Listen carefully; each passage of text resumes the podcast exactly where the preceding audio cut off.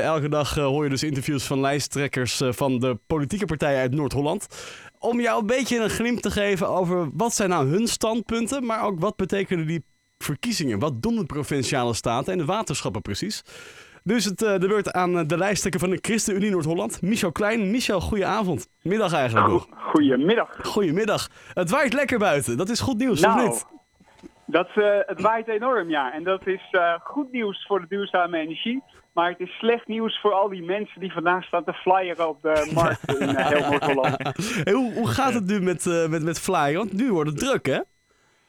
En nou, het is nu al een beetje de zaterdag loopt ten einde. Ja. Maar ik ben vandaag op verschillende plekken in Noord-Holland geweest. En ja, heel veel mensen die daar door weer en wind op markten staan om, om te proberen in ieder geval gezicht te geven aan de verkiezingen laten zien dat het belangrijk is om te gaan stemmen. En uh, ja, laten zien dat, uh, dat de partijen meedoen. Ja, om even, uh, het belangrijk is om te weten voor, voor de luisteraars, om een beetje een voorbereiding te kunnen geven op deze, deze verkiezingen.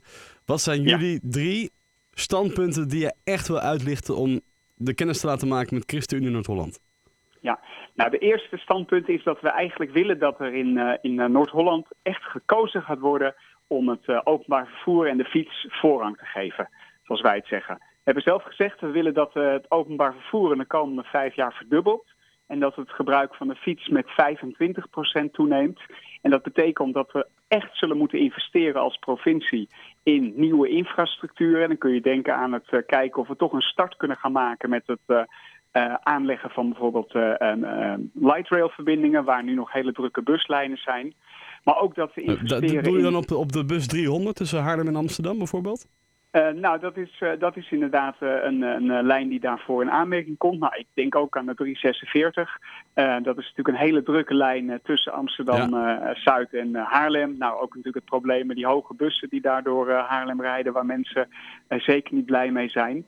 Het geeft eigenlijk gewoon aan dat het openbaar vervoer overvol is in onze regio... En daar moeten we gewoon echt uh, uh, in investeren. Hoe ga je zoiets aanpakken? Want we hoorden vorige week nog onze uh, commissaris van de Koningin zeggen dat er een aantal politieke partijen hebben die eigenlijk nog geen aanpak hebben. Hebben jullie die op dit moment? Nou, ik, ja, kijk, waar het, waar het nu op neerkomt is dat we um, als provincie hebben we nu altijd gezegd, en dat is echt het VVD-beleid geweest, mensen moeten zelf kiezen hoe ze willen reizen. En dat betekent dat de provincie vooral zorgt voor, uh, voor goede wegverbindingen. Um, en de provincie die wil niet kiezen om te zorgen dat OV makkelijker wordt dan de auto. En wij denken dat je dat wel moet doen. Je moet echt gaan zorgen dat die OV-verbindingen zo goed worden dat mensen zeggen ik ga liever met de OV dan dat ik uh, achter in de file aansluit. Ja. En dat is denk ik gewoon de keuze die je moet maken als provincie. Ja. Hoe zit het met jullie met windmolens? Want ik heb het gevoel dat bijna elke politieke partij meer windmolens wil. Is dat bij jullie ook het geval? Um, nou, wij hebben, wij hebben afgesproken met elkaar in het klimaatakkoord, wat uh, nu net doorgerekend is, dat er 35 terawattuur aan energie opgewekt gaat worden op het land. Daar zal Noord-Holland ook uh, een flink aandeel in, uh, in krijgen. En dat, ja, dat kan dan bijvoorbeeld met windmolens. Het zou ook met, met zonnepanelen kunnen. Ik denk dat wij heel goed in gesprek moeten gaan met gemeentes waar goede kansen zijn. En dat vooral mogelijk maken. Ja, en dan in Haarlem bijvoorbeeld, weet ik bijvoorbeeld op Schoteroog. Hè, er staan natuurlijk een aantal windmolens die staan stil. En die moeten we gewoon weer aan de gang krijgen. Die moeten we vervangen door grotere windmolens.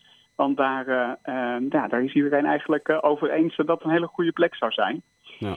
Um, ik denk ook in het westelijk havengebied dat je nog heel veel windmolens kwijt kan. Tegelijkertijd zijn er natuurlijk ook plekken in Noord-Holland waar je zegt van nou hier is het landschap zo waardevol. Dan moeten we misschien uh, uh, niet in de eerste instantie voor windmolens kiezen, maar, maar, voor andere oplossingen. Maar zo zie je die windmolens in zee, dat is toch een verschrikkelijk gezicht? Wat zeg je? Die windmolens in zee bijvoorbeeld, het is toch een verschrikkelijk gezicht? Zie jij ze dan vanaf het strand? Ja, als het helder weer is. Ja, ik ben een zeefanaat. Ja. Ik zei dit al in de uitzending. Ik ben een zeefanaat en ik vond de zee altijd zo mooi dat je in het oneindig kan kijken. Ja. Dat, dat je die, en, nou, als het een mooi heldere dag is, dan zie je ze gewoon. Ja. mijn ogen zijn heel goed hoor.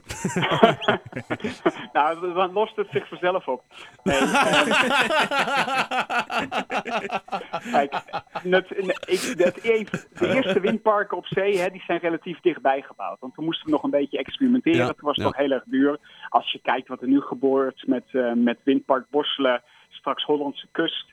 Dat zijn windparken die zo ver worden gebouwd van de kust dat je ze niet meer ziet. Nou, daar hebben we ook niet echt uh, uh, problemen meer mee. En, en, het laatste standpunt uh, die jullie nog willen verdedigen, zeg maar. Ja. Waar, waar kunnen we nog meer op, op stemmen? Als we, of nee, waar kunnen we nog meer verwachten van jullie als we op de ChristenUnie stemmen?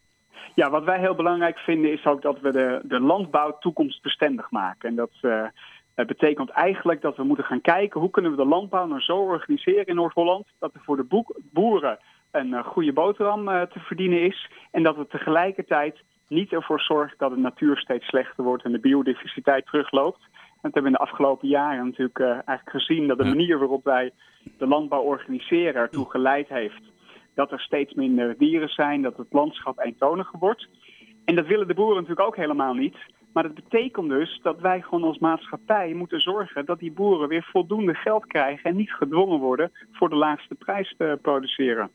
Nou, ik was vandaag bijvoorbeeld op bezoek in Lutjebroek bij, eh, bij een teler van, eh, van groenten. En je hoort dan dat die teler die kan zijn producten niet in de Noord-Hollandse supermarkten kwijt, omdat ze net twee cent duurder zijn dan Spaanse paprika's. En dan worden er Spaanse paprika's die worden ingevlogen om in Noord-Holland verkocht te worden.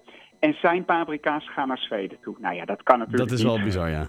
Ja, en Ja. Daar, dat vereist dus echt dat we met elkaar een omslag maken. Nou, daar kan de provincie volgens mij een hele grote rol in spelen. Die kunnen met die telers, met de supermarkten om tafel gaan zitten.